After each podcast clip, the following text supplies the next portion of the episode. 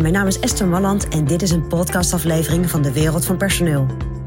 In mijn podcast deel ik graag mijn ideeën met je om op een slimme en simpele manier met je personeel om te gaan.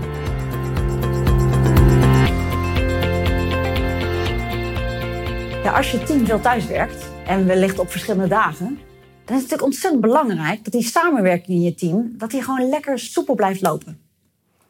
En nu we dat allemaal met elkaar zo'n beetje ervaren hebben, komen er eigenlijk twee punten naar voren die heel belangrijk zijn.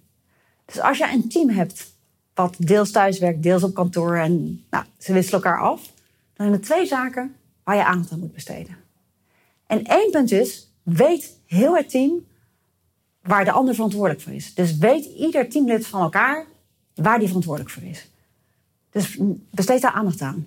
Zorg dat dat heel helder is. Oké, in jullie team, dit resultaat moeten jullie halen. En elk teamlid is voor een bepaald deel verantwoordelijk. Wat is die verantwoordelijkheid? Dat is belangrijk, dat iedereen dat van elkaar weet. Want dan kun je ook heel duidelijk de lijntjes uitzetten tussen elkaar. En over die lijntjes uitzetten, en dat is het tweede ding wat heel erg belangrijk is. Wees ook heel duidelijk wie wanneer beschikbaar is. Wat je ook vaak ziet is dat mensen toch natuurlijk ook, zeker op het moment dat ze thuiswerken, dat combineren met privé. Misschien nog voor een ouder zorgen of voor kinderen zorgen of op een andere manier uh, toch hun dag anders indelen dan ze normaal zouden doen als ze op kantoor zijn. Dus spreek ook echt met elk teamlid af. Wanneer zijn ze beschikbaar? Hoe kunnen ze het best bereikt worden? Wat kan je daar van je teamlid van verwachten? En ook dat is iets weer wat je met al je teamleden bespreekt. Dus zorg heel goed voor duidelijkheid over elke rol die je teamlid heeft, maar ook hoe bereikbaar iemand is op het moment dat iemand misschien niet op kantoor is, maar thuis is. Of misschien juist ook wel wanneer zijn de kantoordagen. Dus dat je dat heel inzichtelijk maakt. Want dat blijkt een van de grootste ruisgevers te zijn, zeg maar, op het moment dat mensen op afstand werken.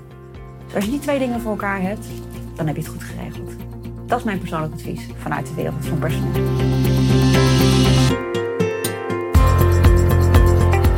Wil je ontwikkelingen in de wereld van personeel blijven volgen? Abonneer je dan op ons podcastkanaal. Ook op onze website vind je allerlei slimme ideeën en adviezen. Dus kijk even rond op www.dewereldvanpersoneel.nl.